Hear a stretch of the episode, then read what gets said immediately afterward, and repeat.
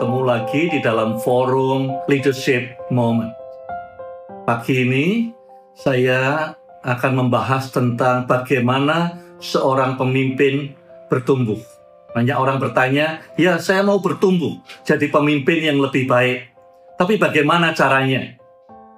Ada beberapa hal yang saya ingin sampaikan pagi ini. Yang pertama, kita harus punya keinginan dulu, punya spirit keinginan untuk jadi pemimpin yang lebih baik, bukan untuk motivasi yang salah, bukan karena supaya naik pangkat, bukan supaya gaji yang lebih besar, bukan supaya power yang lebih luas, bukan karena recognition, tapi karena ungkapan tanggung jawab saya kepada orang-orang yang saya pimpin. Mereka yang akan menentukan apakah saya pemimpin yang lebih baik atau tidak. Dan feedback mereka atau penilaian mereka sangat penting buat saya. Bukan supaya saya diterima oleh mereka, bukan. Tapi supaya saya tahu bahwa saya mengerjakan tanggung jawab saya sebagai pemimpin. Nah, bagaimana kita bertumbuh? paling simple ya kalau kita sudah punya keinginan bertumbuh setiap hari satu buku. Buku tentu ada saja e-book ada buku yang dicetak ada juga audiobook ada juga video-video YouTube. Semuanya tentang leadership banyak sekali. Nah kita harus memilih mana yang paling baik mana yang menolong kita untuk bertumbuh. Sekarang dengan era internet banyak resources tersedia. Sayang sekali kalau kita tidak menggalinya setiap saat. Dulu waktu saya baru-baru saja uh, percaya kepada Tuhan Yesus, saya pikir saya lebih baik mendengar langsung dari Tuhan. Kalau Tuhan mau bicara, ya biar dia bicara langsung dengan saya. Tapi kemudian saya bertobat, saya tahu bahwa Tuhan berbicara lewat orang-orang lain yang menulis buku, supaya kita juga semua bisa diberkati. Jadi nomor satu cari buku tiap bulan minimal baca satu buku soal kepemimpinan. Bukan yang murah tapi yang baik. Tanya pemimpin-pemimpin lain buku yang baik itu apa. Beri saya rekomendasi. Ya. Buku atau e-book atau apa pun juga. Minimal satu bulan kalau buku sekali. Terus tambah pengetahuan soal leadership.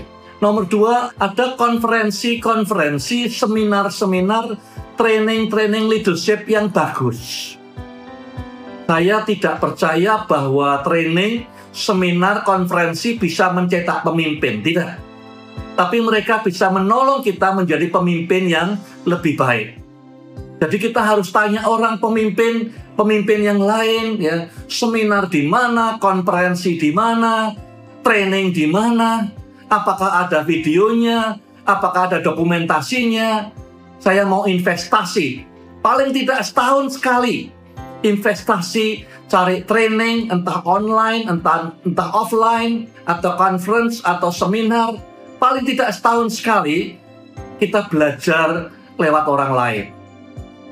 Yang nomor tiga, kita belajar dari pemimpin-pemimpin yang lebih dulu daripada kita yang lebih senior daripada kita.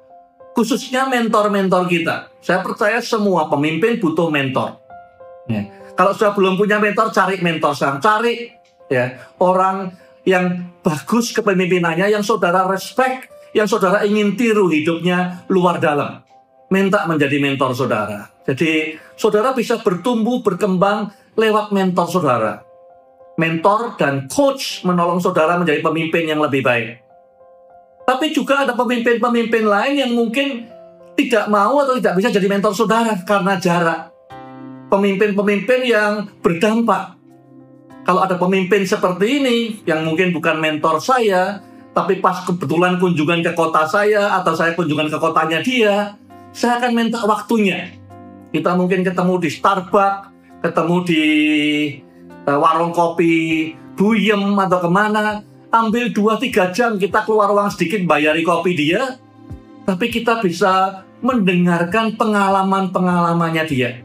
Saya biasa siapkan banyak pertanyaan kalau saya ketemu pemimpin-pemimpin yang mampir di kota saya atau saya mampir kotanya saya ajak minum kopi, saya siapkan 5-6 pertanyaan yang yang berat, yang sulit karena saya mau belajar dari pengalaman hidupnya. Itu nomor tiga. Nomor empat, kita perlu belajar dari pengalaman kita, mengevaluasi. Dulu guru saya berkata bahwa pengalaman adalah guru yang terbaik.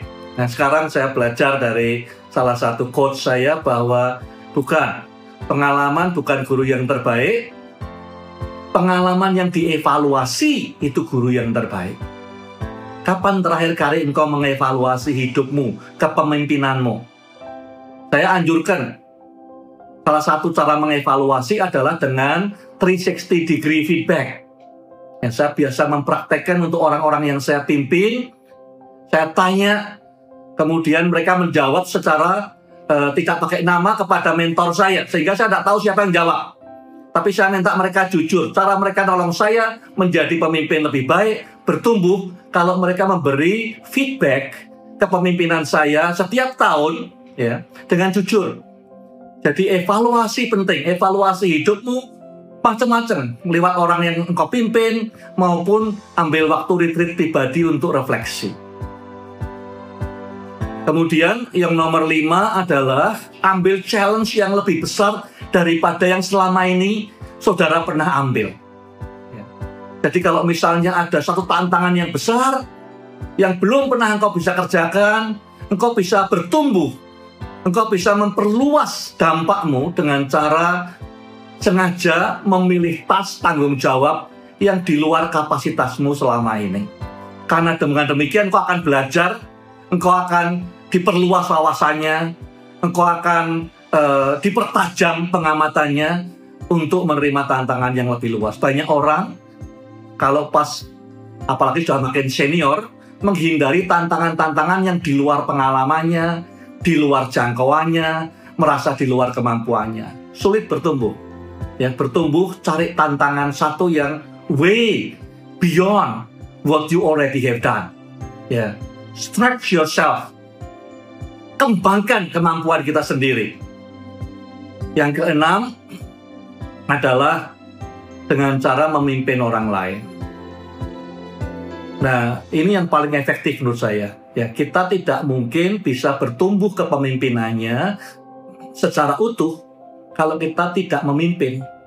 Ya, kita tidak bisa bertumbuh kepemimpinannya hanya sekedar duduk di kelas, ngapalin buku, tidak bisa. Kita harus mengalami mimpin orang lain, ngembangkan kepemimpinannya orang lain. Dengan demikian, is experimental. Jadi kita jalani sehari-hari sambil belajar. Jadi ada tujuh hal yang saya sampaikan. Pertama adalah hmm, spiritnya dulu, maunya dulu, alasannya, motivasinya. Kemudian sarananya ada enam, ya. Satu lewat buku, atau e-book, atau YouTube, atau video, atau apa pun juga. Targetkan sebulan sekali kalau buku, minimal. Ya. Kalau YouTube video ya seminggu sekali. Yang kedua, cari seminar, conference, training yang betul-betul efektif, yang terbukti. Sisihkan uang, ditabung uangnya untuk ikut seminar yang efektif seperti ini. Yang ketiga, belajar dari mentor. Cari mentor yang bagus, yang yang bisa jadi teladan, yang bisa engkau pelajari hidupnya.